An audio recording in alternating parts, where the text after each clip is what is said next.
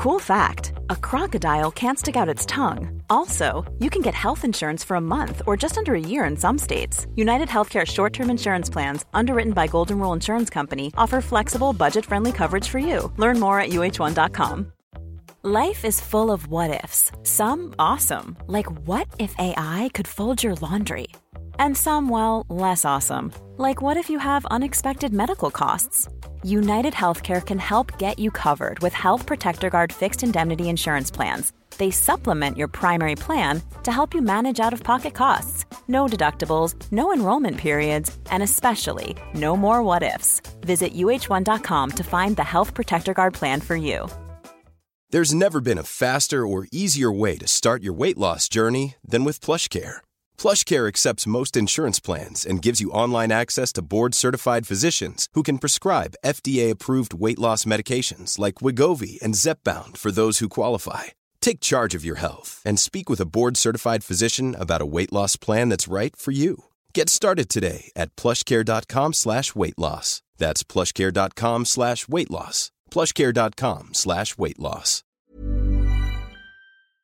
Hei og velkommen til Tirsdagsklubben med Becoming, en av Norges mest populære podkaster innen livsmestring. Jeg heter Isabel og driver denne podkasten sammen med Belinda. Vi ønsker å inspirere og motivere deg til å skape det livet du alltid har drømt om å leve. Mange tenker nemlig at livet blir til mens vi går. Vi er uenig. Vi mener at du er skaperen av eget liv, og at du har muligheten til å gjøre ekstraordinære ting, og at det hele starter med å stille deg selv spørsmålet Hvem er jeg på vei til å bli? Tør å ta deg selv på alvor, og nok en gang, velkommen til en ny episode av Tirsdagsklubben. Dagens episode er en samtale mellom partolken Maria Mork og meg, Belinda. Vi skal rett og slett ha en sommerprat om hvorfor ferie kan være så vanskelig for parforhold. Hvordan vi kan forstå de forskjellige barna og få en mer harmonisk ferie. Hva vi kan gjøre for å lade opp midt i feriekaoset. Og ikke minst hvordan man skal unngå kjærestekollapsen. Velkommen til en fantastisk episode av Becoming. Hei, Maria. Du kjenner jeg som partolken på Instagram. Jeg tror mange kjenner igjen derfra. Nå har jeg fått det her i poden, for du kan guide oss litt igjennom noen av de hovedproblemene som veldig mange par kan eh, møte på, spesielt kanskje på sommeren. Hva vi kanskje bør tenke litt på. Og eh, gi oss litt tips og triks, sånn at vi slipper å ende i skilsmisse hele bølingen når eh, skolestarten endelig er i gang og livet faller litt sånn kan ikke, kan ikke du fortelle litt om hvem du er og, eh, og din bakgrunn? Hvordan, hva er partolken egentlig? Ja, hva er partolken? Partolken det er, det er, jo meg, først og fremst. Foreløpig er det bare meg. Eh, partolken det handler om å guide og hjelpe par til å forstå hverandre. Og de aller fleste av oss, eller jeg vil jo si alle, er vi jo forskjellige, og de aller fleste av oss opplever utfordringer med det å være forskjellige. Det er fantastisk når vi kjenner på tiltrekningen og det gode med å være forskjellige, men så er det så utfordrende når vi kjenner på triggerne med at vi er forskjellige, ikke klarer å forstå hverandre, ikke klarer å bli forstått og ikke bli møtt på behov. Og der ligger utfordringene for de aller fleste av oss. Så det jeg gjør til daglig, det er å guide par, stort sett via skjermen, men også en del som kommer til Kristiansand, til å forstå hverandre bedre, til å kunne klare å møte hverandre og snakke sammen. Det er jo det vi må få til. Og det er det som er vanskelig når man har det tøft sammen. Ja, for det kan jeg for min egen del, så vet jeg at jeg har um nå har jeg lært litt om følelser, hva de betyr når de sitter i kroppen. så nå, Dette her visste jeg ikke for et år siden. Men det jeg lærte, var at jeg har problemer med å si det som er problemet. Følelser sitter fast hos meg i halsen, og jeg får litt sånn en ah!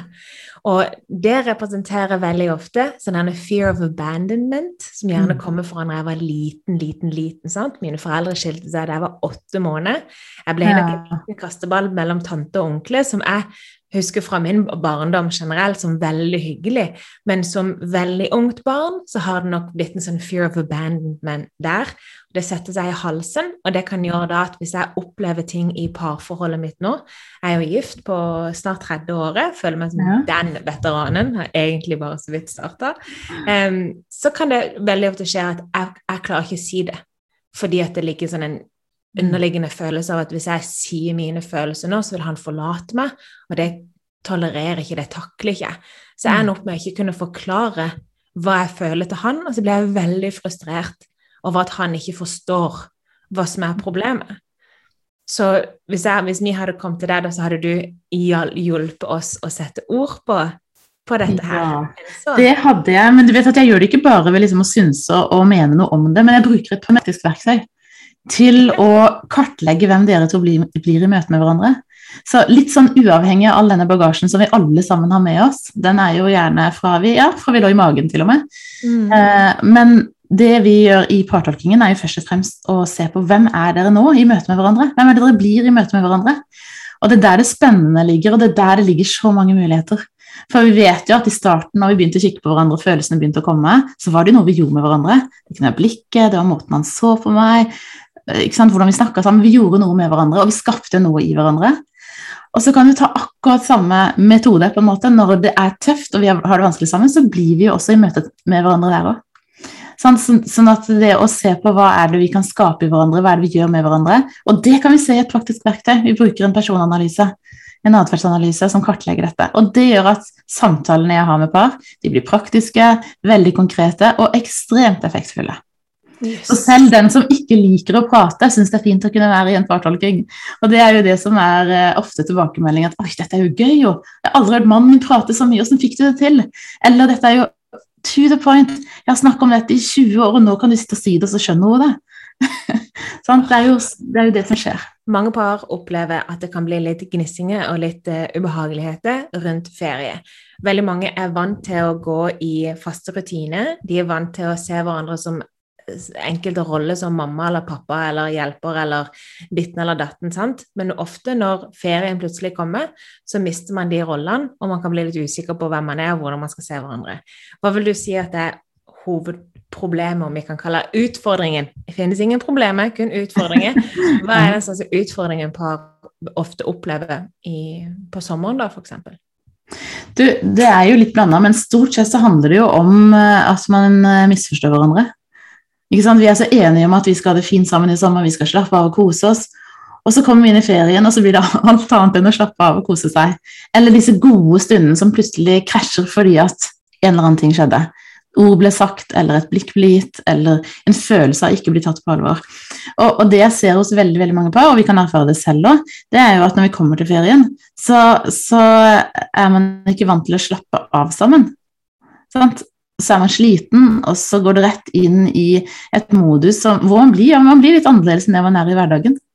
Gjør det, Men stort sett så er det den der skuffelsen over å ikke bli forstått, og misforståelsen av men 'jeg tenkte at du', eller 'jeg trengte at du så meg nå'.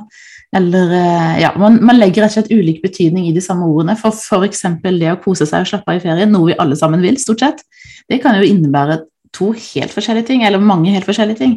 Hos oss så kan det handle om at uh, den ene vil uh, ha gode planer, oppleve masse, uh, ha det planlagt, mens den andre bare vil ta dagene som det kommer, la humla suse og bare ligge på stranda og slike sol om man ønsker det, uten å ha så mye av det forutsigbare. Så bare det i seg selv kan være veldig, veldig stor forskjell. Da jeg for eh, fem, snart seks år siden ble eh, bonusmor Det føltes jo som jeg ble bonusmor over natta. Mellom meg og min mann gikk ting veldig, veldig veldig fort. Mm. Flytta sammen Vi ble sammen når vi flytta sammen, og barna ble eh, flytta inn til oss eh, halvt om halvt, da, men super, super tidlig. Eh, ble møtte eksen hans med en gang, familien hans Altså alt var veldig, veldig fort. Så når man blir kasta inn i sånn en bonusfamilie, en moderne familie, ganske fort, så lærte jeg én ting som har vært veldig verdifull for meg, og det er å alltid spørre de nærmest meg da, hva er dine forventninger? Mm. Så de første feriene vi var på, total forbanna krise. Altså, mm. det, Jeg har aldri kost meg så lite i mitt liv. Jeg tror ikke det var noen der som koste seg. Vi var utslitte når vi kom hjem igjen. sant? Fra dårlig stemning, fra misforståelse, fra at uh, du, du, gir så mange kompromisser at du har ingenting igjen. sant? Så det vi lærte da, var jo da å begynne å spørre rundt middagsbordet hva er dine forventninger? Og vi spør bare sånn som tacofredag. Hva er dine forventninger til denne tacofredagen? Og da fikk jeg høre fra han ene at eh, jo, at vi kan sitte lenge med bordet. Og, ah, jeg har alltid kjappa meg litt, for jeg tenkte at ja. Mm. Fra hun andre at det kan være um, litt show. Sant? Ok, du skal få lov til å ha show hver eneste fredag. Fantastisk, vi kan ha det med fast greie. Når vi skal på ferie og sånne ting òg, hva er dine forventninger? Han ene sier at han hadde faktisk lyst til å oppleve litt kultur og annerledes mat. Hun andre sier at vi er veldig til, for hun andre så er det veldig viktig med tilstedeværelse. Altså, vi kunne satt og malt et hus, og hadde ikke brydd seg så lenge vi er til stede. sant? Og um, det å spørre hverandre òg hva er forventningene dine, det kan hjelpe utrolig mye. For jeg trodde jo første gang jeg og min mann skulle på ferie, at han òg gleda seg til å ligge med bassengkanten og slappe av. Mm. Men det var jo det absolutt verste han visste. Hadde ingen ambisjon om ingen tanke, ingen forventning at vi skulle gjøre det. Han forventa at vi skulle stå opp tidlig og være aktive og se så mye som vi bare kunne se. Mens jeg hadde sekken full av bøker som jeg trodde jeg skulle lese med bassengkanten. sant? Så bare denne Hva er dine forventninger? Jeg tror folk ofte glemmer å stille det spørsmålet. Ja, det er ikke tvil om det. Og så og det er jo kanskje det aller viktigste tipset jeg kan gi. Det er jo nettopp det å avklare forventninger. Fordi man, Og så sier man ja, men jeg har ikke så mye forventninger, men alle har jo forventninger. Bevisst eller ubevisst. Så det å, å kanskje gå i seg selv og bli klar over hva er det jeg egentlig ser for meg, og forventer jeg? Hva er det jeg ønsker for denne ferien eller denne helga eller denne kvelden? Og å gjøre den forventningsavklaringen stadig vekk kan være en veldig god nøkkel. Ikke bare i starten av ferien, ja, vel å merke veldig viktig, men gjerne også hver eneste dag. Fordi jo mer vi klarer å dele av det vi tenker på innsida, jo lettere er det å forstå hverandre og kunne klare å møte hverandre på det. Mm. Så, så, forventninger det har vi alle sammen. Og så kan vi si at ja, det gjelder bare å senke forventningene, sier man ofte. Så tenker jeg ja, kanskje ikke helt heller, for det er jo noe med det å glede seg. Det er jo noe med å ha forventninger. Det er jo med på å prege en opplevelse.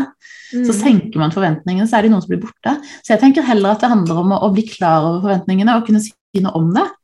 For når jeg vet om dine forventninger og du vet om mine, så er det mye lettere å kunne disponere både dagene og hvordan vi kan møte hverandre på det. Og så hender det av og til at vi må justere det litt for ja. å kunne klare å møtes. Fordi at Jo høyere forventninger vi har, eller det vil si at den opplevelsen vi har, da, den er avhengig av hvilken forventning vi har. Ja. Så den, den opplevelsen, den forventningen vi har, preger den opplevelsen vi vil få. Ja. Sånn, det er jo innlysende når man kommer på besøk til noen, sånn typisk i middagstid.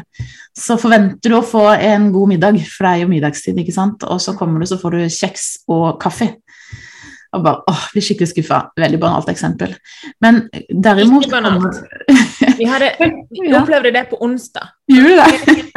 Min mann og meg vi er jo på norske rutiner her, så vi spiser en superlett lunsj rundt i tolvtida. Bare litt noe salatblader, noe kaninfôr. sant? Skikkelig veggismat. Ja. Og så var vi invitert på møte et par ute på middag klokka åtte. Da har vi da gått fra klokka tolv til klokka åtte. Bare på noe salat. Vi er så sultne at vi helt sånn sant, ser svimmel. Gleder oss til å sette oss ned til noe skikkelig heftig, deilig mat. Kommer der, Men da er det jo spansk middag. Og spansk middag er jo egentlig bare la oss dele en liten aperitiff. Oh. Så vi var jo altså på vei hjem, vi var så sultne eh, og skjønte at vi må Så det er forventninger, sant? Forventninger. Ja, ja. Hva, Det er et veldig godt eksempel. For det er klart at det hadde man avklart på forhånd. da. Jeg har faktisk begynt å stille spørsmålet, vi, eller kan gjøre det med noen venner, da. Eh, skal vi være middagssultne eller kaffesultne? Ja. Eller bare det å avklare hva, hvordan? For at kommer du da og er forberedt på at, eh, at, det er kaffe og kjeks, så gjør det jo absolutt ingenting. Det er jo superkoselig fordi at du har spist på forhånd og er forberedt på det. Ja. Så det er, eh, det er et veldig konkret eksempel. Og dette her, det forplanter seg jo inn i ferien og i hverdagen. Fordi vi, vi, forventer så mye, eller det vil si at vi har forventninger, og vi tenker at, og så glemmer vi å spørre. Ja. Jeg trodde at du forsto, eller jeg tenkte at du skjønte at jeg måtte, eller ønsket, eh, ikke sant? og så blir det bare krasj. Og, så jeg vil si at Det er kanskje det som skjer mest i ferien, det er jo nettopp den misforståelsen og skuffelsen som dukker opp i de små ja. situasjonene og i de store situasjonene. Og så sammenligner du med det du ser andre gjør. og så Istedenfor å sette deg ned med din partner og f.eks. si at vet du hva, mine morgener Jeg er ikke fornøyd med mine morgener. skal vi sammen prøve å, å bygge mine morgener litt bedre? Så sitter du, går du rundt i fire dager og dritsur på mannen din for at han ikke serverer deg kaffe på morgenen, sånn som du har sett folk gjøre på Instagram. Så har du tre glass for mye vin, og så kommer smellen. sant? Så meg og min mann eh, starta jo vårt forhold med såkalte styremøte. Og ja. de er så enkle og greie, for i styremøtet så har man ikke lov til å um, motsi parten med egne følelser, hvis det gir noe mening. Hvis jeg da f.eks. sier jeg føler meg oversett denne uka, så har ikke han lov i et styremøte til å si 'Hvorfor i all verden føler du deg oversett? Jeg har jo vært der for deg hele tida.' Bla, bla, bla. Sant? Sånn som man veldig ofte gjør. Man går bare i sånn attack mode. Man må bare si 'OK, Forklar hvorfor du føler deg oversett. La meg høre din følelse i dette. Og når vi snakker på den måten der, det er skikkelig vanskelig, for noen ganger så er du bare sånn Ok, du føler at jeg ikke har laga middag denne uka. Slaver på kjøkkenet, høyler. Utakknemlig lille Ja. Sant? Så man blir kjent med med, med, hverandres forventninger i hverdagen. da. Og I styremøtene så har vi som en felles mål at vi skal spille hverandre gode. Og Dette her er basert på min far og min stemor sitt ekteskap gjennom 23 år, som jeg har vært så heldig å vokse opp og være vitne til. Det er det fineste ekteskapet jeg har sett. De bare prøvde å spille hverandre gode.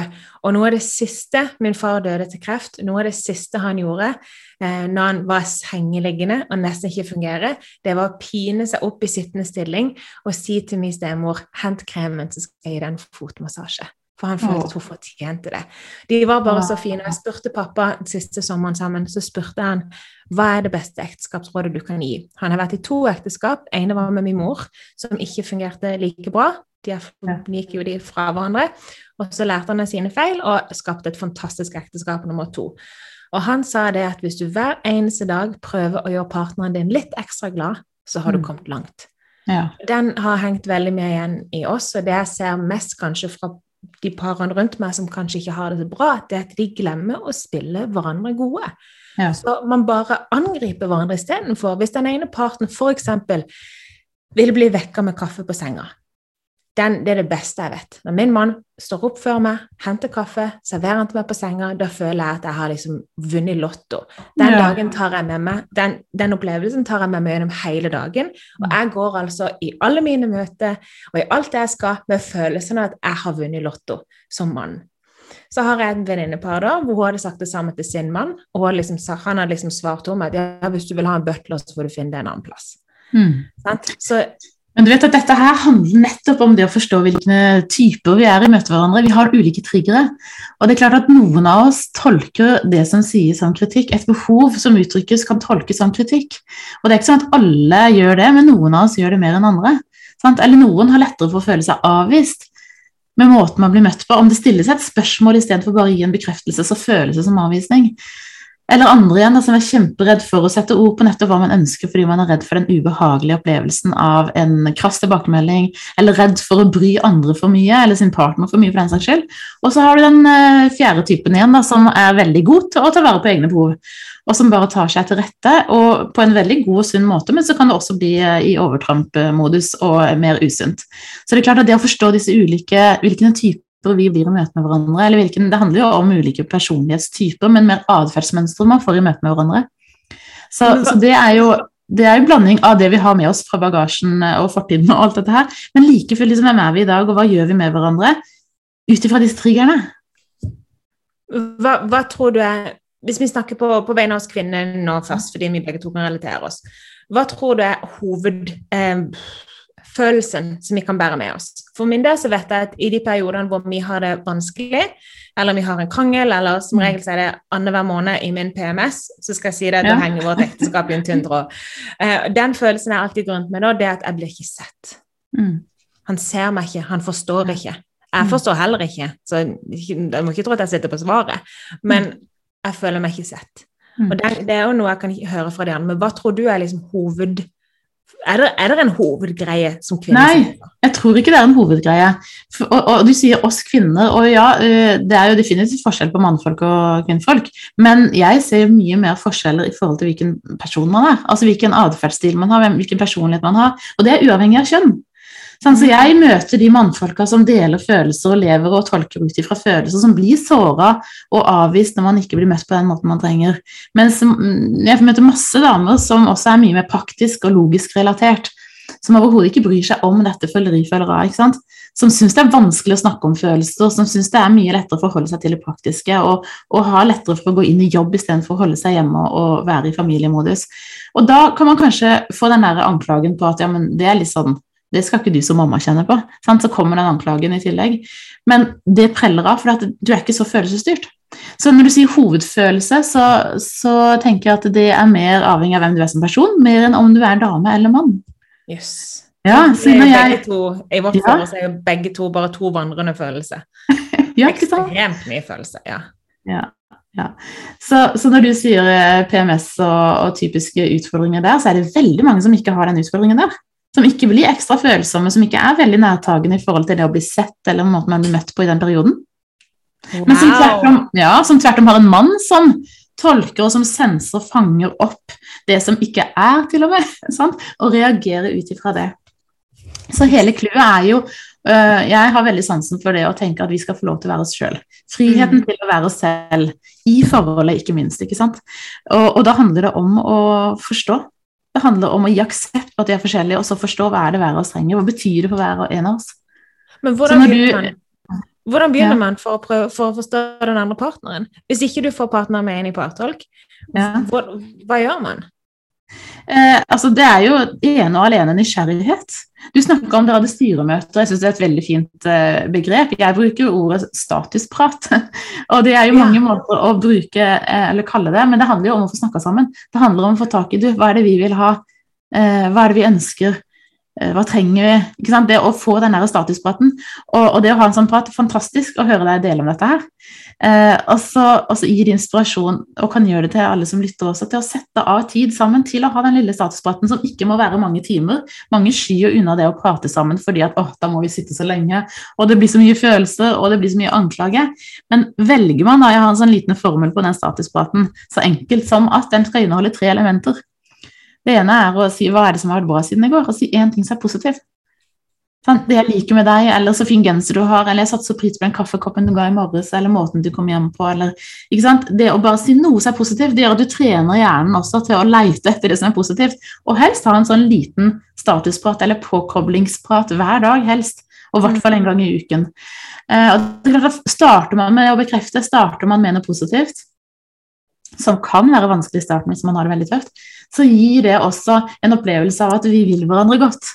Sånn som du sa, Det kan være et, en intensjon, et fokus som, som, står overalt. Vi vil hverandre godt, og det påvirker den praten. Neste punktet handler om å si noe om hva ønsker du annerledes til i morgen. I morgen så ønsker jeg at når du kommer med den kaffekoppen, så gir du meg et smil i stedet for at du sukker. Mm. Eller eh, til i morgen så ønsker jeg at vi spiser middag sammen. Det kan være mange variabler der, men det gir en mulighet til å istedenfor ta opp og anklage den situasjonen som var, og klage på det som har vært, så kan man heller rette blikket mot hva ønsker jeg annerledes neste gang. Det er en helt annen innfallsvinkel og er lettere å forholde seg til og ta imot. Og så handler det om å spørre hva trenger du, og hva trenger jeg? For den dagen eller de døgnene som ligger foran oss, eller den kvelden som ligger foran oss. Da har man ivaretatt de tre. Det kan være gjort på fem-ti minutter, altså.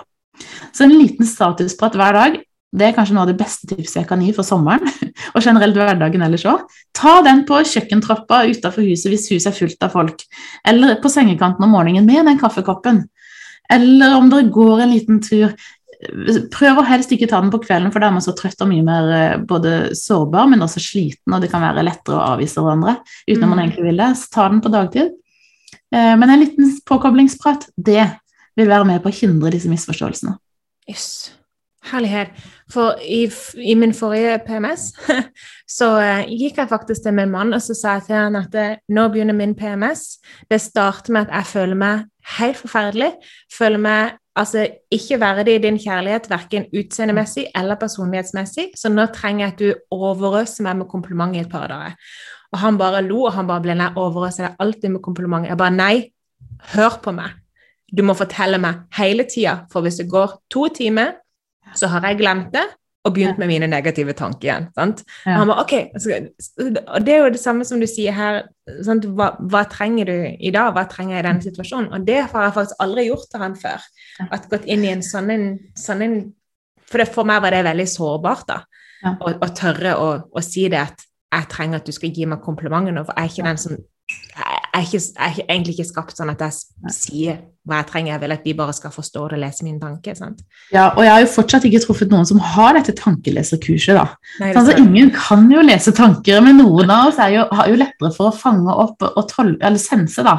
Og, og, kanskje har lettere for å si, skjønne hva andre egentlig trenger, uten at det blir sagt. Men ingen har garanti på at da, det, de helt sikkert vet det. Så ikke anta at du tror du vet før du har spurt. Ja. Det er min lille regel. Og, og, den trenger jeg stadig å trene på sjøl også. Men du vet at her kommer også inn nettopp forståelsen av disse ulikhetene våre. For hvordan skal vi snakke sammen? Hvordan gi uttrykk for et behov? Eh, for det å snakke sammen kan være ekstremt vanskelig, nettopp fordi at den ene trenger mer tid når vi skal snakke sammen. Trenger å varme opp, trenger tryggheten, gå litt rundt grøten før man kommer til poenget. Og så er man gjerne sammen med en partner som er tvert motsatt, som går rett på sak, ikke orker de lange pratene, som sier det som det er, og det man sier, sånn er det. Sant? Og kan kanskje virke litt kvass og brå når man er engasjert. Og så er det selve triggeren og det som stopper opp muligheten for å tenke hva vil jeg egentlig? Muligheten for å klare å si det man egentlig vil si, for den som da er mer følsom på stemning osv. Så, videre. så her blir det to eh, skal jeg si for noe, to eh, motsetninger mot hverandre som kan slå hverandre i hjel. Og når jeg møter par, og spesielt de parene hvor den ene plutselig vil skilles, så er det jo ikke plutselig. Det er jo en person som har gått og tenkt på det i flere år, men ikke har sagt noe om det. Kanskje prøvd å si noe om det, men ikke vært tydelig nok. Mm. Og så sitter den andre der med skjegg i postkassa, om det er dame eller mann, og liksom bare Hæ, har vi det så vanskelig? Mm. Eh, I hvert fall Den kombinasjonen der gjør ofte at man får snakka skikkelig sammen, og så finner man aldri stemmen sin. Du snakker om det at det setter seg fast i halsen din, det at ikke du klarer å si hva du Det ligger jo også til en persontype. Mm. Når man har mye av den stabile atferdsstilen, så er man en som har vanskelig for å være tydelig, spesielt med det som kan skape friksjon, skape følelser, skape reaksjon. Så holder man tilbake og holder tilbake og holder tilbake. Og det trygger den som er tydelig og direkte, og liker det, liker det eh, klart og tydelig, og ikke det ulne og utydelige. Mm. Så, så, det er en sånn kombinasjon her som er så avgjørende å finne ut av, fordi det frigjør enormt potensial i en relasjon, selv der det virker helt håpløst. Det er jo det der jeg liker å jobbe aller best. Sant? Fordi at Der hvor det virker mest umulig, der er det faktisk muligheter, har jeg sett gang på gang på gang. Og spesielt i disse kombinasjonene her. Men da trenger man hjelp til å forstå det.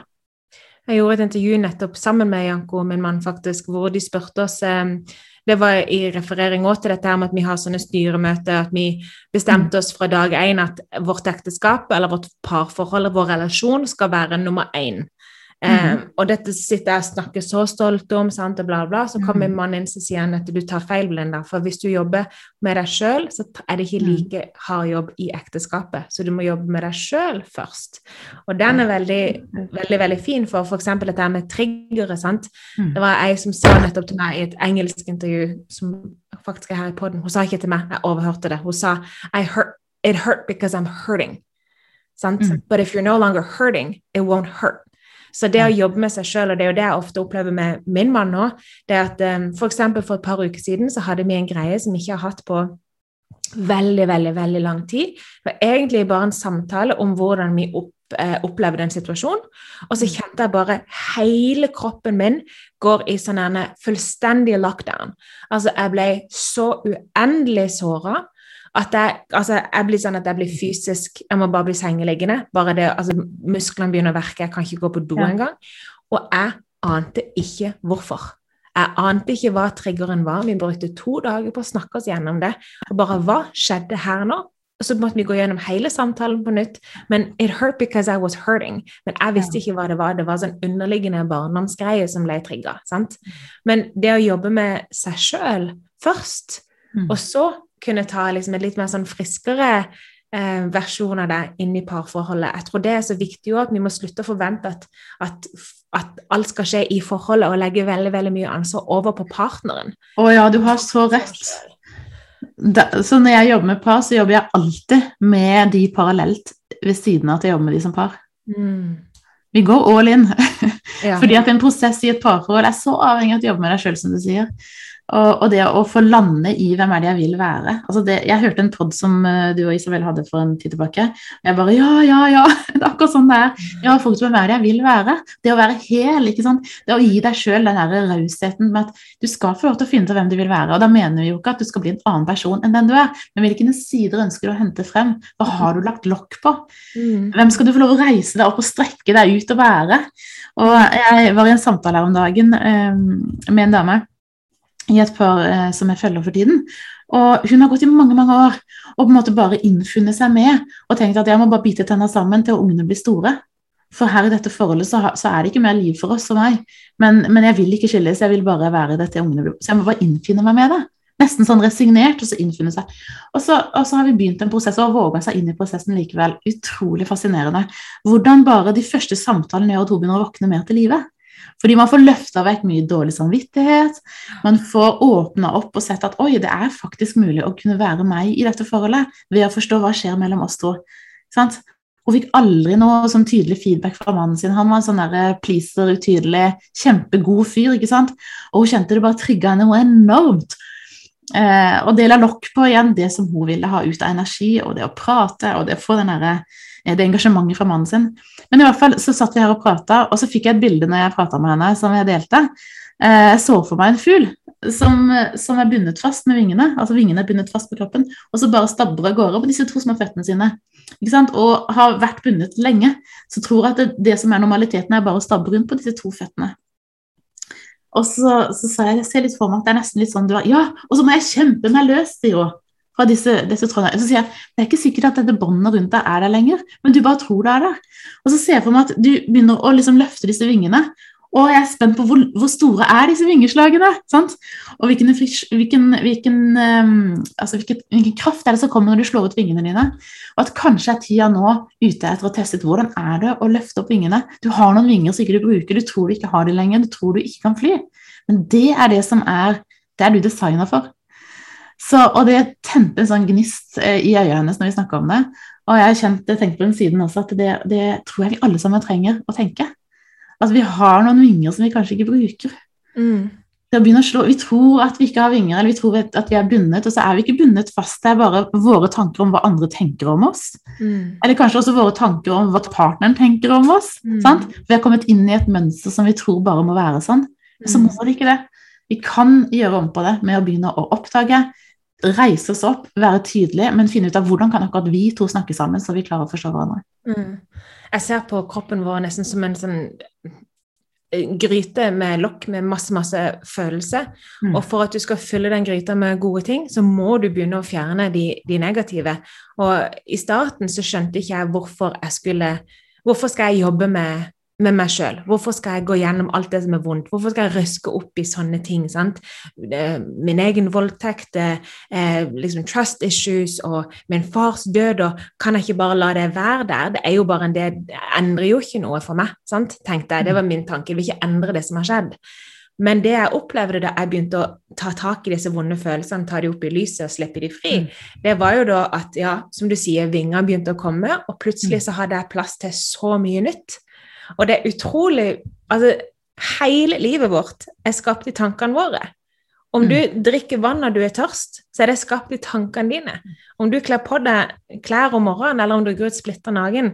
Mm. Om du bygger bedrift eller går i jobb, eller mm. Alt sammen er skapt i tankene våre. Og det å frigjøre plass til å kunne ha de riktige tankene, det er mm. jo liberating, om man kan si det sånn. Ja, det er faktisk det. Tenk at det er bare kjemiske reaksjoner i hjernen en forelskelse er.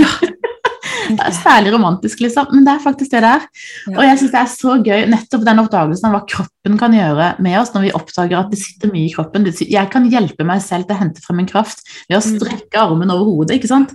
Ja. Da frigjøres det hormoner i hjernen min som er med å gi meg styrke.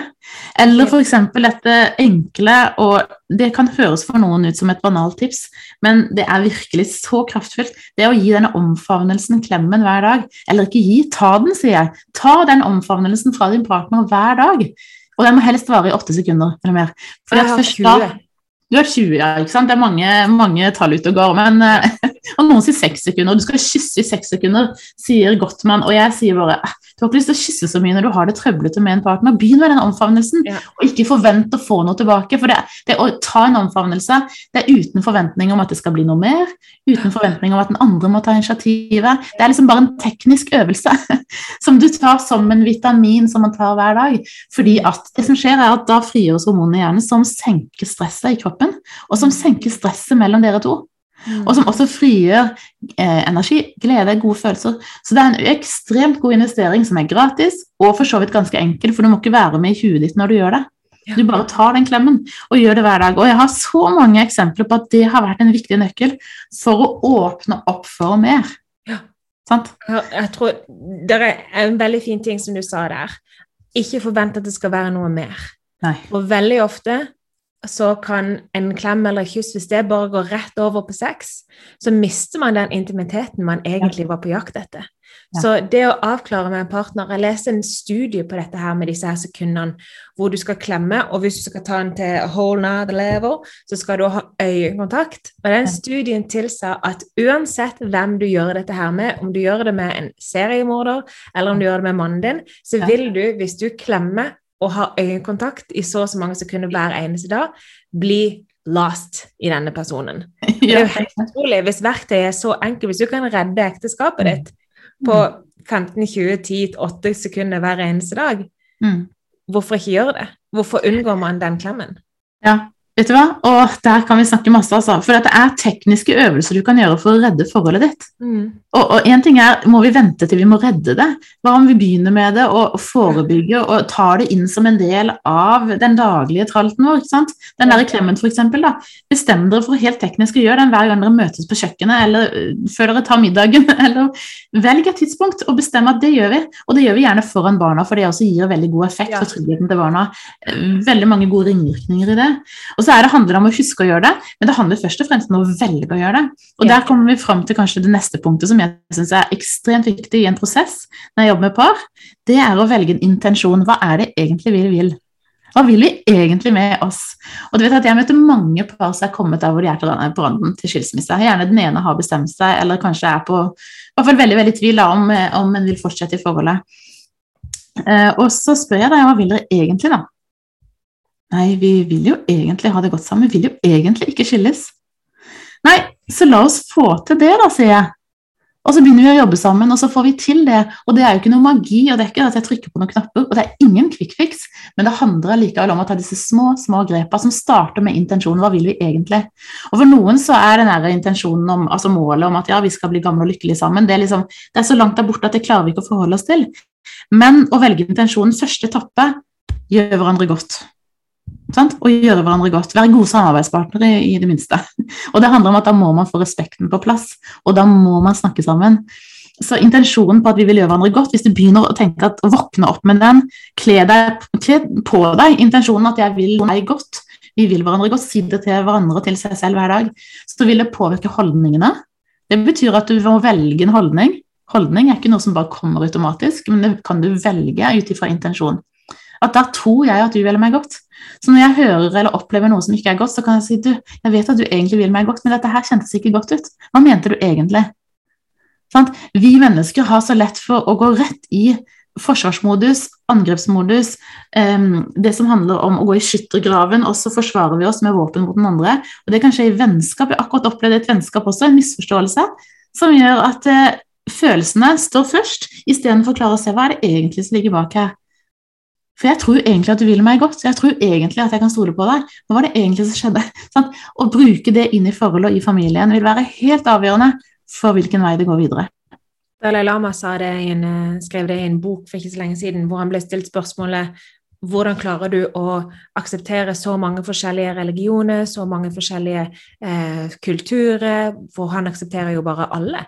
Så sa han det at alle vi mennesker vi har en grunnleggende verdi, og det er at vi ønsker å ha det bra. Og hvis du går inn i en relasjon med hvem som helst, og du vet at alt dette mennesket ønsker, det er å ha det bra, du har den tingen til felles, så kan man begynne derfra. Hva skal til for at du har det bra, hva skal til for at jeg har det bra?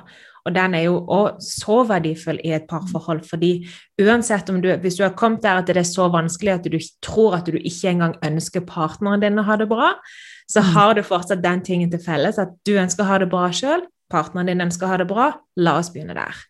Helt grunnleggende. Ja, helt grunnleggende. Men det er jo veldig vanskelig når du ligger lag på lag på lag med negative erfaringer sant? Som tilsier noe annet, og så, begynner, og så antar man ut fra det man har erfart tidligere. Så, Mm. så jeg tror at mange kan ha nytte av å sette den streken, som jeg kaller det. Sett strek med det som har vært, og tenk herfra videre så vil vi noe annet. Ja, for det har jeg lyst til å spørre deg om. Fordi um, jeg er litt fascinert av en bok av Esther Perel som heter 'Rethinking Infidelity'. Um, og hos en, hos en tanke er da at vi skal se på utroskap som en annerledes ting, for nå er det jo veldig sånn der Once a cheater, always a cheater. Eh, du har vært utro, du må gå. sant?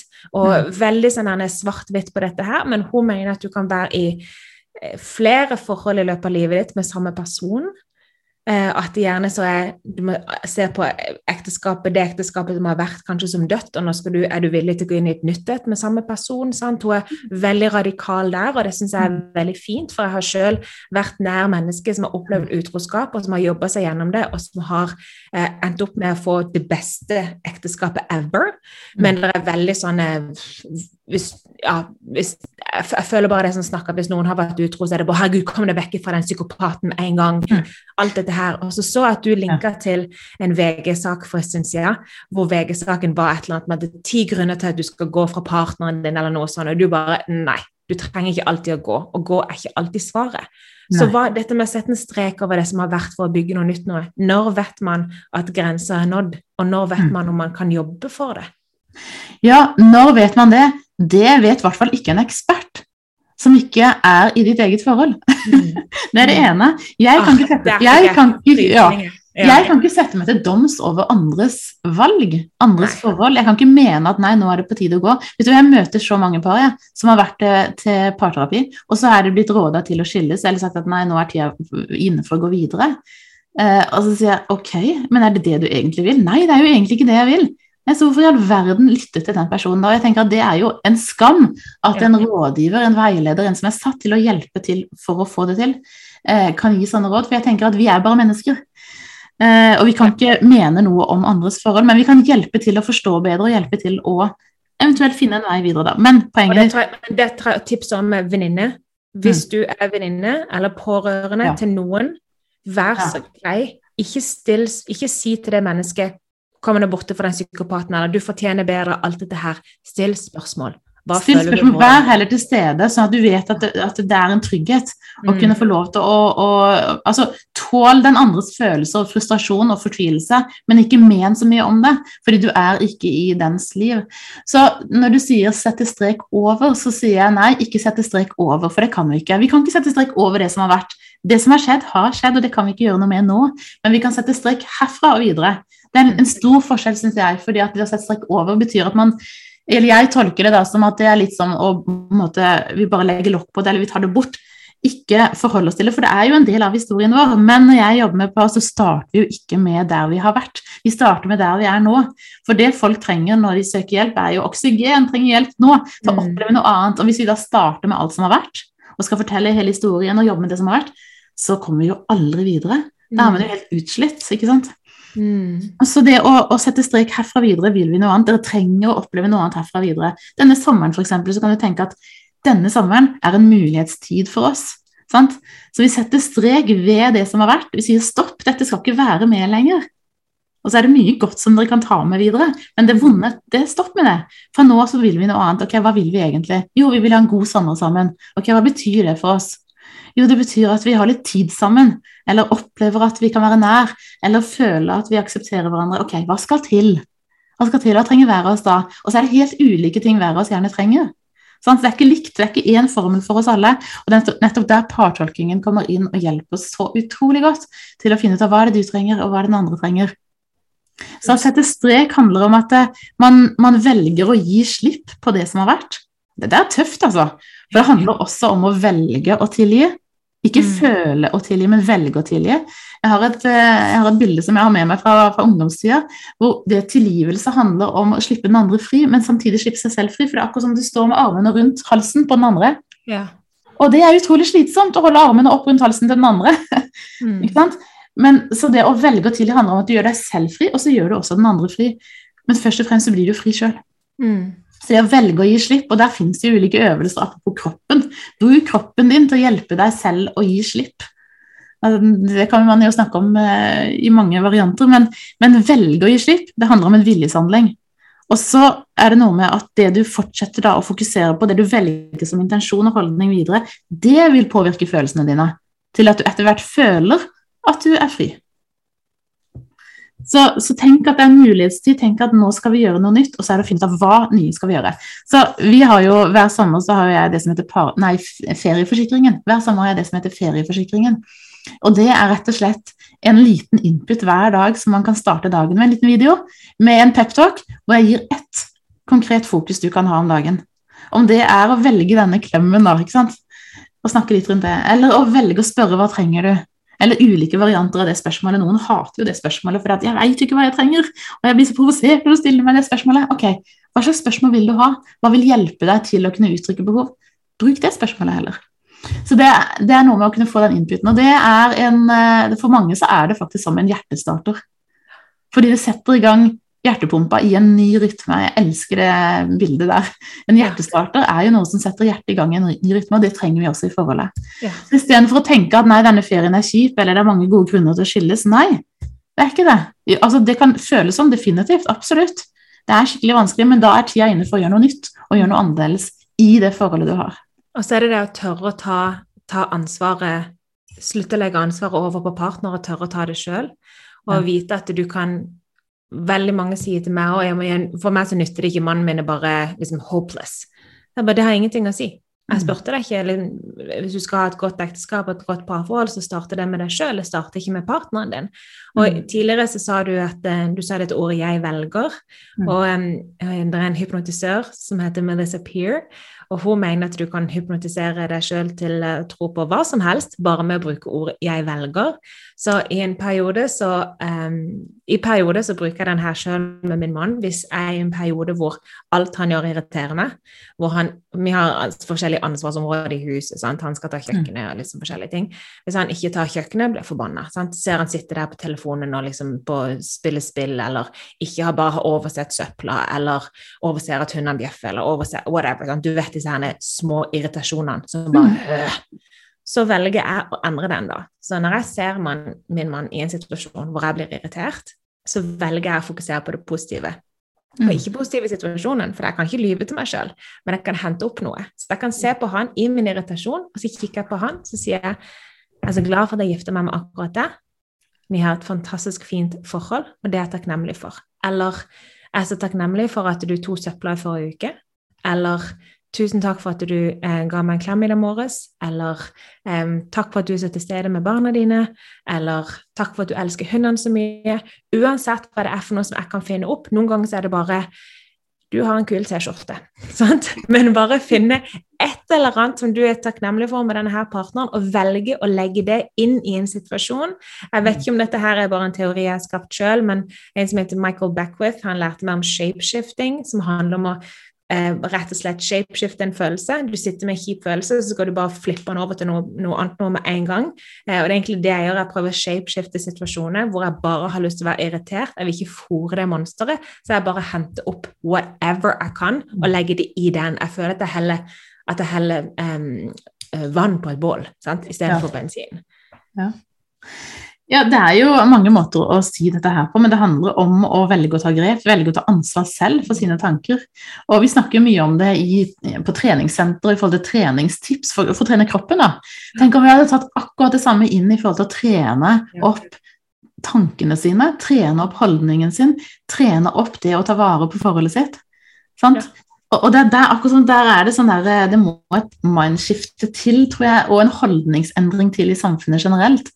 Altså, man skal tenke om forholdet som man tenker om ja, trening for den saks skyld. Så det er jo ikke uten grunn at jeg omtaler som en personlig trener for disse parene jeg følger. For vi er tett på, vi har kontakt hver uke, vi jobber og trener på å skape endringen. Det hjelper ikke bare å prate og bli bevisst på ting, man må ta action, hvis ikke så skjer det ingen forandring. Det, er så synd for, det virker som om folk bare har akseptert at, at den nye normalen er at du skal ha tankekjør, du skal ha uro, du skal ha mangel på tilstedeværelse, du skal ha irritasjon, du skal ha eh, Det er nesten litt sånn kult å bare sånn åh, endelig er mannen ute av huset, nå er det husmorferie, eller endelig så fikk jeg noen til å ta kidsene mine, eller woohoo! Sant? Jeg reiser bort en helg uten kids og altså hva, ah, Det er det verste jeg ser. Den der kjempegøye 'endelig er mannen ute av hus'. Altså, Ja. hvis, hvis våre menn hadde lagd, vært så aktive på sosiale medier som vi er Nå følger jeg nesten bare kvinnfolk, så kanskje de er det. Men hadde det vært like mye jokes som 'endelig er dama ute av hus', 'endelig er kidsen ute av hus', altså Jeg hadde blitt kjempelei meg hvis min mann hadde laga sånn innhold da, til sosiale Ja. medier. Og jeg tror nok at det mer kanskje sies i det reelle livet på sosiale medier blant mannfolk, for det er nok litt av den holdningen som kan være. Og for all del, vet du hva, det er slitsomt også. Og det er virkelig godt å kunne få pause, men det er jo litt hvordan snakker man om det. Ja. Sånn at det ikke blir en sånn nedlatende Man føler seg avvist i den der litt tøysete sjargongen som, som sies. Så men La oss snakke om disse barna, da, Belinda, for der òg er det jo virkelig gode nøkler til å skape en god ferie sammen. For det er jo gjerne utfordringer rundt barna som skaper utfordringer for oss som par. Mm. Og oss i møte med barna, og oss i møte med hverandre overfor disse barna. Om det er våre felles barn eller dine, mine barn osv. Så, så det å forstå liksom disse ulike barna, hva er det hver av barna trenger for å kunne ha en god ferie, den avklaringen bør vi jo ta. Eller Mm. bør, det er veldig nyttig å ta den. Men også det å klare å forstå hva er det disse barna som kanskje ikke har et språk for å uttrykke det på. Hva er det de trenger? Hvordan kan jeg hjelpe dem til å forstå det også? Og, og Der bruker vi denne modellen for å forstå de ulike barna. Så eh, når jeg snakka om ferieforsikringen i stad, så har jeg putta inn også det å forstå de forskjellige barna, faktisk. Fordi at det er så avgjørende. Dette barnet som liker å gjøre ting på sin egen måte, dette barnet som ikke tar et nei for et nei, men det betyr bare at jeg må mase mer. Sant? Utrolig irriterende. Så får du liksom bare tre nedover det barnet en regel, og så er det stikk motsatt av hva det barnet egentlig trenger. Det barnet trenger å få lov til å føle litt ansvar, få noen ting å velge mellom. Få bygd opp under disse måte lederegenskapene da, som er å ta regien, og gjøre det på en god måte. Kanskje trenger barnet en hjelp til å få andre mer enn å bli anklaget for å være egoist. Og så har du dette andre barnet som, som trenger masse bekreftelser for å kunne være i vater. Sant? Og det er gjerne det barnet som soser litt, bruker lang tid på ting, har utrolig fantasi, bruker lang tid fra badet og i, fra senga via badet til kjøkkenet, f.eks. om morgenen. Bare så et lite eksempel der. Jeg husker et av barna mine som, eh, som kunne bruke lang tid. Jeg bare 'Kom igjen, nå, må du skynde deg, for dårlig tid', roper jeg fra kjøkkenet. Og så, og så oppdaga jeg etter hvert denne forståelsen av disse profilene også hos barn. da. Og jeg skjønte at «Oi, dette barnet her trenger stikk motsatt av masing og hakking. trenger heller to minutter ekstra på sengekanten, gå opp og si 'du, for en herlig dag', så godt å se deg, dette her skal bli en deilig morgen. Oh, wow. på deg i dag? Du blir med meg til, til badet, så liksom lage en god stemning. Og vet du hva som skjedde? Effektiviteten økte ti hakk. Og det ble en helt annen start på dagen. Sant? Og dette her er, dette er mange, mange foreldre som kan oppleve det der skiftet som skjer når du gir det barnet som trenger bekreftelse og anerkjennelse som ferskvare. Og vi voksne trenger det også som ferskvare. Bekreftelse og anerkjennelse på den du er. Så skjer ting mye mer smooth. Å, herlighet. Jeg ser bare 100 situasjoner hvor vi skal ut av hus, og alle sammen er ute utenom den ene. Og jo mer masing det er, jo mer finner den personen ut at de må gjøre. Og det bare går rundt i sirkler og klarer liksom ikke den skoen, den skoen, nei, den jakka, nei, den jakka. Ingenting blir gjort. Men jeg ser jo nå, hvis, hvis jeg bare hadde sagt, vet du hva Gått tatt tak fem minutter før vi gjerne skulle gjøre oss klare, og bare nå går vi ut i ganga, så begynner vi å kle på oss, så møtes vi straks i bilen. Så hadde det jo vært en helt annen situasjon. Ja, men du vet at det trigger jo noe i oss som voksne. Så hvis du er en forelder som liker at ting er planlagt forutsigbart og blir utrolig altså Det der å skulle ha sånn småprating som det, det bare trigger deg noe enormt, så er det en kjempevanskelig Mm. eh, øvelse å gjøre. Men poenget er jo hva vil du oppnå? Kan du akseptere at barnet ditt er stikk motsatt av hva du selv egentlig er i forhold til effektivitet om morgenen, eller når dere skal ut, så vil det åpne opp for en helt annen eh, del i relasjonen. Og så har du stikk motsatt det barnet som tvert om trenger forberedelse. Trenger kvelden før å vite at i morgen du står opp, så skjer dette. Hva skal du ha på deg i morgen? Legge ferdig klærne, kanskje. Nå snakker jeg om små barn, men du kan relatere til større barn også. At noen barn trenger mye mer å vite detaljene på hva skal skje. For å kunne ha trygghet for å gå inn i det. Så det barnet som da, Hvis du er en forelder som tar ting som det kommer, og skulle si elsker å la humla suse litt, for å ikke ha alt planlagt. Jeg kan være litt der, være spontan, ta ting som det kommer, og så kan det trygge det barnet som trenger forutsigbarhet. Noe enormt. Og det du får tilbake, det er sinne, det er eh, en reaksjon som bare Hæ, hva skjedde? Hvorfor er du sint nå? Og så blir man irritert tilbake. Så blir det en sånn negativ karusell. Der kan nøkkelen være å ta den avklaringspraten dagen før. Du, i morgen så skal vi i Dyreparken. Og vi skal reise da og da. Hvor lang tid trenger du for å gjøre deg klar før vi skal gå? Hva er viktig for deg for at det skal bli en god start på dagen? Eller hvordan ser du for deg? Jo, mamma, jeg trenger å gå sammen med deg inn i parken. Jeg er så redd for når vi skal det og det. Han liker ikke å være blant masse folk, kanskje. Det å hjelpe barnet til å kunne sette ord på det i forkant, mer enn at det krasjer når man er der og da. Mm. Så dette her handler om det å forstå disse ulike sidene, ulike triggerpunktene i barna, men også hvordan det trigger oss Mm. som foreldre. Og så er vi gjerne foreldre, forskjellige som foreldre. ikke sant? Den ene er konsekvent og tydelig og ikke så opptatt av det føleri føler og er, mens den andre er mye mer kompenserende, skal balansere Mm. følelsene til alle, og senser stemning, tar inn barnas følelser på en helt annen måte. Og Mm. begge deler er bra, og begge deler kan være utfordrende. Det som er helt sikkert, er at barnet trenger at vi er forskjellige. At vi kan utfylle hverandre. Men de trenger ikke at vi er i konflikt og mener at den andre bør være annerledes enn det, det vi er. Så det å stå sammen som et team, da. Igjen, det å klare å forstå hva skjer hos deg, og hva, hva er styrkene våre, hvordan kan vi spille de på lag, sånn at vi utfyller hverandre. Det er, Vi, fant, eh, vi måtte finne en løsning der, vi òg, fordi at vi òg er en um, familie hvor noen, noen parter ønsker veldig struktur og vite hva som skjer til enhver tid, og andre eh, parter ønsker å kunne ta det som det kommer. Så vi var sånn, hvordan skal vi, hvordan skal vi møtes i disse her to? Og da begynte vi å planlegge spontanitet. Så når vi da forklarte til eh, den ene som skal utlevere nå, men den ene parten da, at eh, ok, i morgen så starter vi for gjerne en, en lørdag. sant? For lørdager hos oss ble veldig mye mas. Hva er planen, hva skjer, hva er planen, hva skjer? Og følte hele tida et press på å måtte levere sant? til, til familieboksen. Eh, og når du egentlig bare hadde lyst til å slappe av. Så vi begynte da med ok, det, i morgen så skal vi stå opp, og så når alle sammen er oppe, så er det frokost.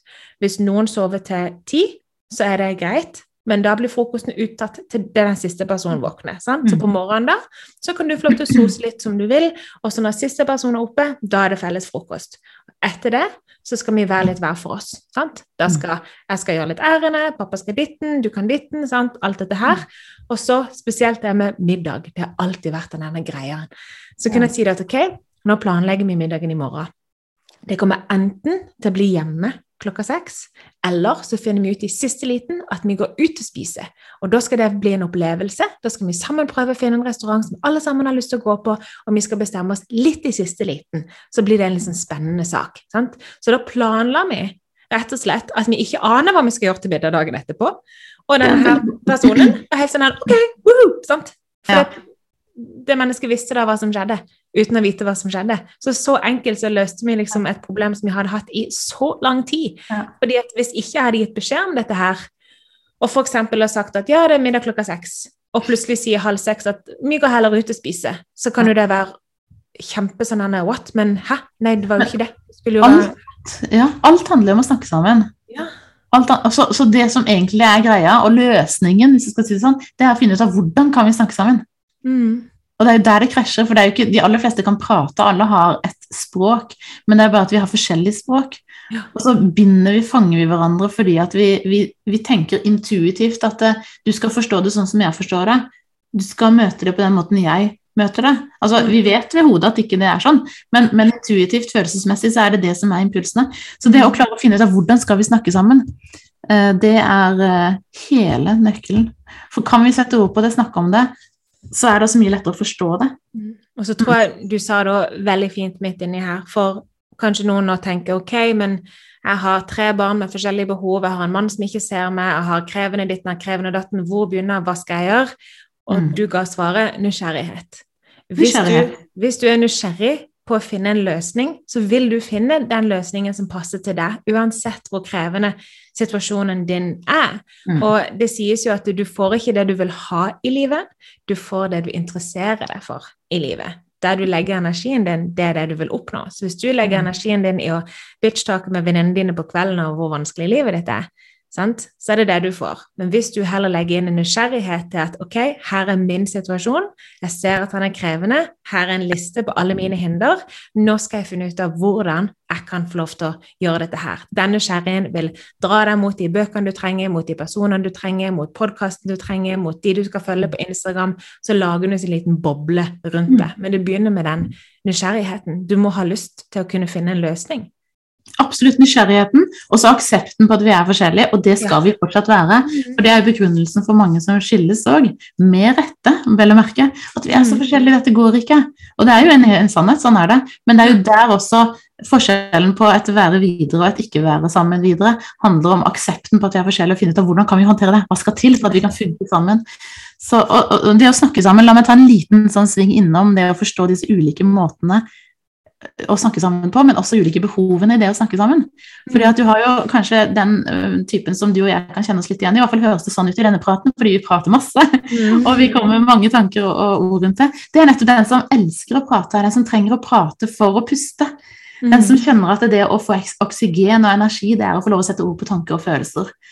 og, og, som også da er følsom på avvisning. Så det er klart at når man da har en partner som ikke er så glad i å prate alt man tenker og føler, så vil den personen kanskje eh, først og fremst gå inn med analysetenking og tenke altså, ok, hva skal vi gjøre, hvordan skal vi gjennomføre det, og dette her går aldri. Sant? Mer logisk søkende, og vil møte en sånn prat på en helt annen måte enn det du trenger. For det når man trenger å tenke tanker og følelser og bare få, liksom, få puste med å prate, så trenger man bare en sånn spilleball-prat. Eh, At noen sier 'ja, fortell mer'. 'Oi, det var interessant'. Eh, det er jeg nysgjerrig på. Mm. Så sette seg tilbake og slenge beina på bordet og si 'fortell'. Det er det man mm. trenger. Men det man kanskje gjerne får, er spørsmålet ja, men har du tenkt på det, og nei, det der, der går aldri bra, åh, det er så mye prat og så mye føleri. Sant? Så er det med på å sette kjeppen i hjulet. Men stikk motsatt, så kan jo den som liker å prate og trenger å prate, si at du, nå passer det for deg at du har den praten. Jeg trenger bare å dele noen tanker. Jeg trenger å tenke høyt sammen med deg. Jeg trenger ikke noen løsninger, for det er jo styrken til denne som analytisk. Mm. Finne en løsning og løse det. Mm. Så, så er det noe med å forberede den andre. Så er det noe med å si liksom, hvilken type prat er det vi har nå. Skal vi diskutere noe, eller skal vi bare tenke høyt sammen? Mm. Og så har du den andre varianten som jeg delte litt om i stad, hvor den ene trenger den der vennligheten, varmen, gode stemningen, tryggheten mm. for å kunne meddele seg og kunne kjenne etter hva er det jeg vil og hva er det jeg mener.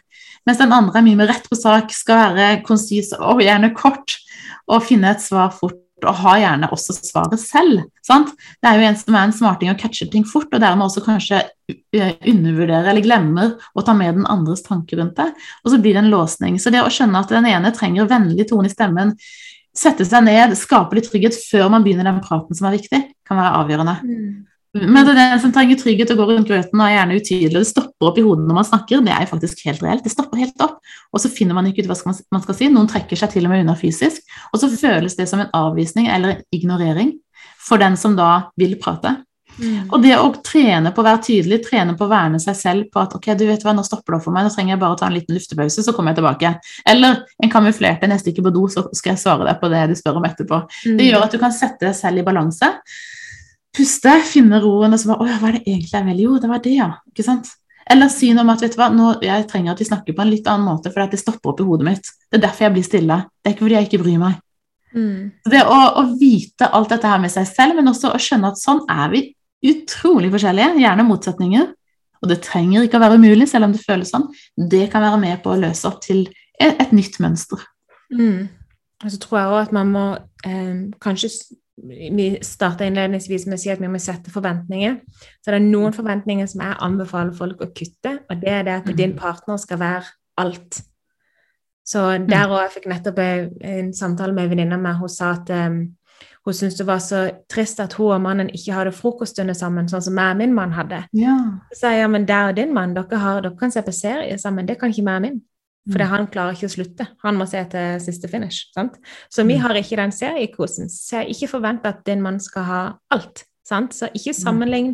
Når du går i ferie nå og du ser igjen sosiale medier som kan være roten til så mye vondt mm. um, Når du ser at å, men de, de, dette paret de trener sammen, dette paret de spiser sammen, dette paret de holder hendene, dette paret Ok, men finn ut av hva er det du trenger fra din partner. Ja, og tenk at, tenk at, din partner er en gave til deg, og ja. du er en gave til din partner. Begynn å tenke det istedenfor, for da vil du sette fokus på hva det er vi har. Mm. Hva er det vi har som er verdifullt? Hva er det aller viktigste for oss? Og det å begynne å dyrke at dette her er bra. Og det handler om at du også kan faktisk begynne å si noe, finne gull eh, i det du har som du kanskje bare tror er gråstein. da. det handler om fokuset og, og, nesten sånn pakke og pakkene. altså hva finnes egentlig her. Mm. Ser man på andre, ser man på det man ikke har, så vil du aldri finne gleden i det du har. Og vi er tildelt ulike ting i livet, tenker jeg også. Du er designa for den du er, og så er du en gave inn i din partners liv. Mm. Det, er, det, gjør noe med hvordan du kan reise deg opp og eh, komme med din spesielle kraft da, som mm. du har, inn i mm. forholdet ditt og familien din. Mm. Og start dagen hver dag i ferien med å reise deg opp og strekke deg og si at 'jeg er en gave'. Mm. Jeg hadde et, seminar, et foredrag på et seminar for en tid tilbake hvor jeg snakka nettopp om at du er en gave. Med det du har, med både akillesene dine, altså de tingene du opplever som er mm. vonde ting, vanskelige ting, og det som er styrke dine som du vet om. Og veldig gjerne så er liksom akillesen kanskje din største styrke, og som kan bli den spesielle gaven du har i livet. Så jeg har selv opplevd eh, en del ting eh, i livet, og bl.a. Eh, opplevd en del det å, å, kunne savne. Det å oppleve at ikke en blir møtt på det en trenger som barn. Eh, og jeg delte bl.a. en historie fra, fra jeg var eh, ni år gammel. Og det jeg ønska meg aller mest i bursdagen, det var en dag alene med mamma og pappa. Åh. Og på den tida så bodde jeg ikke sammen med mamma og pappa, for jobbsituasjonen gjorde at de bodde langt unna, så jeg hadde da bodd i flere år. eh, Hvor jeg traff dem noen ganger i året. En veldig spesiell situasjon sånn sett. Og så var det naturlig at jeg ønska meg en dag alene. Jeg ønska meg ikke gaver, jeg ønska meg ikke et stort selskap med en dag alene. Og så kunne ikke de møte meg på det, selv om de aller helst ønska det, men de fikk en annen eh, kjenning vi hadde, til å, en mamma til en venninne, til å invitere meg ut på en dag på byen og på kafé og sånn, på bursdag. Og jeg gleda meg som en unge. Fantastisk. Tenk å få en dag alene, eller en sånn alene med en voksen. Eh, og så skjedde det dagen før at hun avlyste avtalen, for det var noe annet som kom i veien som var viktigere. Og det bare knuste meg, ikke sant. Og jeg, bare, og jeg, jeg gråt, og jeg var fortvila. Og så fikk jeg i tillegg høre at du, nå må du roe seg. Nei, dette er ikke noe hun kan, for det skjedde noe som måtte Ikke sant. Ja. Og så er det klart at for den som da har tid som kjærlighetsspråk, og det er jo også noe vi kan snakke mye om, hva er det som virkelig fyller oss opp, hva gjør at vi føler oss elska? For meg så er det bl.a. det å bli prioritert, det å, kjenne tid, tid sammen. Eh, allerede som niåring så, så var jeg nok ikke bevisst på det, men jeg husker tilbake hvordan det var ekstremt betydningsfullt. Så er det noe som kan sette seg og bli til en akilles. Så jeg kan kjenne på det som voksen. Og det er klart at de triggerne vi har med oss fra barn, da, som du snakka om i stad, Belinda, det vi har med oss fra barn, det å bli klar over at ok, dette er en sårbarhet i livet. Dette er en akilles. Og så begynne å snakke om det og gi forståelse for det. Det gjør at vi også lettere kan ivareta hverandre og forstå hvorfor det kan bli en reaksjon som kanskje er litt uforståelig Mm. eh, som voksen, da. Mm. Du sa det så fint, dette med at du skal gjøre ting, Gjøre dine Hvordan var det du ordla det? Ja, en gjør det om til en gave. Altså, det er en gave, egentlig. Det er en styrke, en gave i livet. Uh, og det er klart at eh, det kan sikkert ha vært med på å prege mitt valg av yrke. Mm. Sant? Og ikke minst også hvordan jeg er som mamma. Jeg er mamma til tre barn, på 7 og 13 og snart 16. Og det er klart at det påvirker også meg i min mammarolle. Mm. Jeg hadde et møte med en eh, yogainstruktør for noen dager siden, og han har gått gjennom mye. Og så sa han midt i en historie så sa han jeg måtte ta mine problemer som jeg var tillagt i livet, og gjøre det om til mine største gaver. Så skapte han bedrift basert på sine problemer, hvor han kunne hjelpe andre med samme problemer. Og det var helt sånn wow, og det er jo akkurat det du sier nå. Hvis du hver dag kan se på dine problemer, dine akilleser, Mm. de, de tingene som vi i podkasten vår kaller for skyggesidene, de tingene du egentlig ønsker å skjule. Hvis du Ja. kan ta de opp i lyset og gjøre dem til en gave, så har du kommet så langt. Og det å For eksempel så har jeg hatt en sånn grunnleggende tanke om at jeg er et problem. Det kommer igjen sikkert fra å være kasteball fra liten baby, sant? og hvor skal vi legge Belinda, sant? og hvor skal vi gjøre med Belinda, at jeg, jeg er et problem. Og den blir trigga veldig, veldig, veldig fort. Mm. Så jeg har veldig ofte, hvis jeg har vært veldig følsom eller begynt å gråte for noe, eller lage et eller annet, så har jeg gått til min mann i etterkant og sagt unnskyld for at jeg var så vanskelig. Mm. Så han sa at det går fint, Plena, det går fint. sant? Og så hadde vi en periode for litt siden, jeg refererte han flere ganger, Mm. men jeg, da har jeg liksom gjort her indre jobben, jeg har tatt opp mine skyggesider, jeg har tatt ut i lyset, jeg har gjort mine problemer om til mine Ja. gaver. Så hadde vi en situasjon, og i etterkant så går jeg til min mann og gir han en klem og en kyss, som jeg alltid gjør etter liksom, når ting har roa seg. Mm. Så kikker han på meg og sier han, har du dårlig samvittighet nå for at du var så vanskelig? Mm. Og da for første gang så kunne jeg kikke han inn i øynene og si, vet du hva, jeg var ikke vanskelig. Jeg var bare meg. Ja. Og det var sånn der, åh, det var så frigjørende. Og vet du hva, Belinda, det handler om å bli tålt. Vi trenger å bli tålt, og det er så grunnleggende. Vi snakka om svik i stad, utroskap, men svik kan være langt flere ting enn utroskap. Det kan være det å ikke bli tålt, ikke bli møtt når man er som sårest. sant? Så jeg tenker at noe av det, det aller mest skal jeg si, magiske som skjer i en parprosess, det er jo når vi begynner å tåle hverandre, Mm. og kan kjenne eh, at vi kan tåle hverandres sårbarhet. Ja. Og for det er, da kommer nærheten. Så det å være i sårbarhet med hverandre, så, så det du snakker om nå, er jo det å bli tålt. Ja. Bli forstått på at å ja, det handler om det. Så tilbake til liksom der, de triggerne, de tingene vi har opplevd som barn, kanskje, eller det kan være i voksen alder også, som gjør oss ekstra sårbare. Og så kommer det en reaksjon som er helt uforståelig for andre, kanskje ekstra sterk, og du bare kan mene om herlighet, hun er så et eller annet, eller han burde vite bedre, eller helt umulig å forholde seg til. Heller spørre du, hva skjedde egentlig nå? For nå Mm. ser jeg at du ble veldig sint eller veldig stille. Eller? Det, det kan gjøre at når du spør hva ligger bak egentlig, så kan man begynne å forstå det, og så kan man tåle sårbarheten og føle seg tålt. Og da Mm. åpner det seg en ny verden, altså. Ja, og det må jobbes med. Min Det mann jeg det verste han vet, han er så ukomfortabel som han kan få blitt når han skal stå i min sårbarhet. Når, han, når jeg skal få lov til å føle alt jeg føler, og ha det vondt å gå gjennom ting, da står han som regel altså fysisk Dette her er litt morsomt. Han vil finne en, en dør, eh, døråpning. Og der vil han stå mens vi har samtalen. Så jeg kan si at hele mannen er egentlig klar for å løpe, for det er så ubehagelig for han å se meg føle. Tenker det. Så dette her Ja, ikke sant? Akkurat det. Men når du da trenger å uttrykke noe, eller trenger å, vise en følelse Det å spørre han, du, nå trenger jeg å få dele med deg, hva trenger du da? nettopp. Jeg kaller det balanseformelen, da, for det handler om å både sette seg selv, ta seg selv på alvor. Jeg trenger å uttrykke det, jeg trenger å fortelle det til deg, dele det. Men også balansen i forhold til og hva trenger du da for Ja. å stå i det? Jo, jeg trenger å stå i en døråpning. kan være et, eller jeg trenger at at ikke vi holder på i flere timer med at vi har en Yes. stund. Eller jeg trenger å få lov til å? Det å vite hva er det du trenger for å stå i den situasjonen, Ja. og, og, og faktisk sette ord på det. For det som, apropos svik, det største sviket er jo å bli forlatt eller å bli ikke møtt på eh, å bli tålt når man er mest og mest sårbar. Og det er klart, Der skjer de store skadene i en relasjon. Mm. Så når du syns ting er vanskelig, du syns det er utrolig vanskelig å sitte i en samtale, eller vær bevisst hva det egentlig jeg trenger. Du, jeg trenger å summe litt først før vi går inn i den praten. Mm. Eller jeg trenger at vi har den praten bare en halvtime. Jeg vil veldig gjerne være til stede for deg og lytte til deg, men er det greit at vi har den i en halvtime? sant? Eller jeg trenger din å stå i denne venn i 30 minutter. i 30 minutter. Og det høres det som rart ut, er kanskje. Og så er det motsatt. Jeg, jeg må jo si til han at eh, jeg vil ikke ha noen løsninger.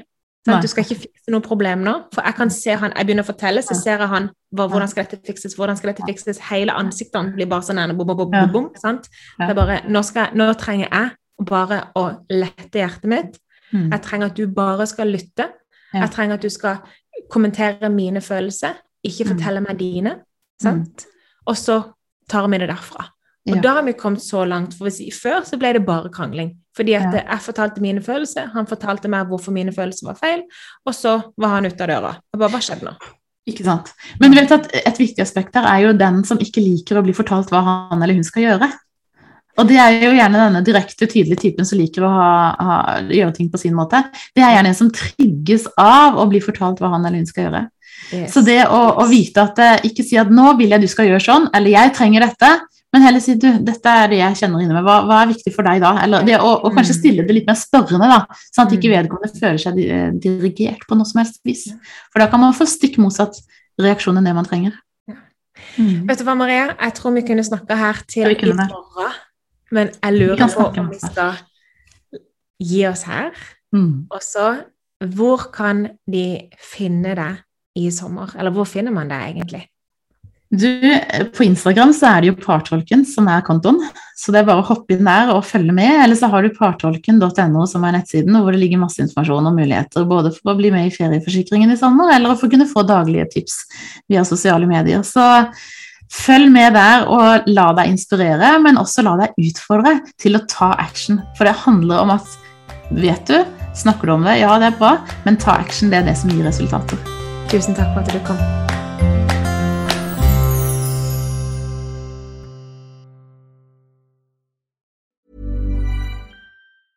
Planning for your next trip? Elevate your travel style with Quince. Quince has all the jet setting essentials you'll want for your next getaway, like European linen, premium luggage options, buttery soft Italian leather bags, and so much more. And is all priced at 50 to 80% less than similar brands. Plus, Quince only works with factories that use safe and ethical manufacturing practices. Pack your bags with high-quality essentials you'll be wearing for vacations to come with Quince. Go to quince.com slash pack for free shipping and 365-day returns. Mom deserves the best, and there's no better place to shop for Mother's Day than Whole Foods Market. They're your destination for unbeatable savings, from premium gifts to show-stopping flowers and irresistible desserts. Start by saving 33% with Prime on all body care and candles. Then get a 15-stem bunch of tulips for just $9.99 each with Prime. Round out Mom's menu with festive rosé, irresistible berry chantilly cake, and more special treats. Come celebrate Mother's Day at Whole Foods Market. Imagine the softest sheets you've ever felt. Now imagine them getting even softer over time. That's what you'll feel with Bowl and Branch's organic cotton sheets. In a recent customer survey, 96% replied that Bowl and Branch sheets get softer with every wash. Start getting your best night's sleep in these sheets that get softer and softer for years to come. Try their sheets with a 30-night guarantee. Plus, get 15% off your first order at bowlandbranch.com. Code BUTTERY. Exclusions apply. See site for details.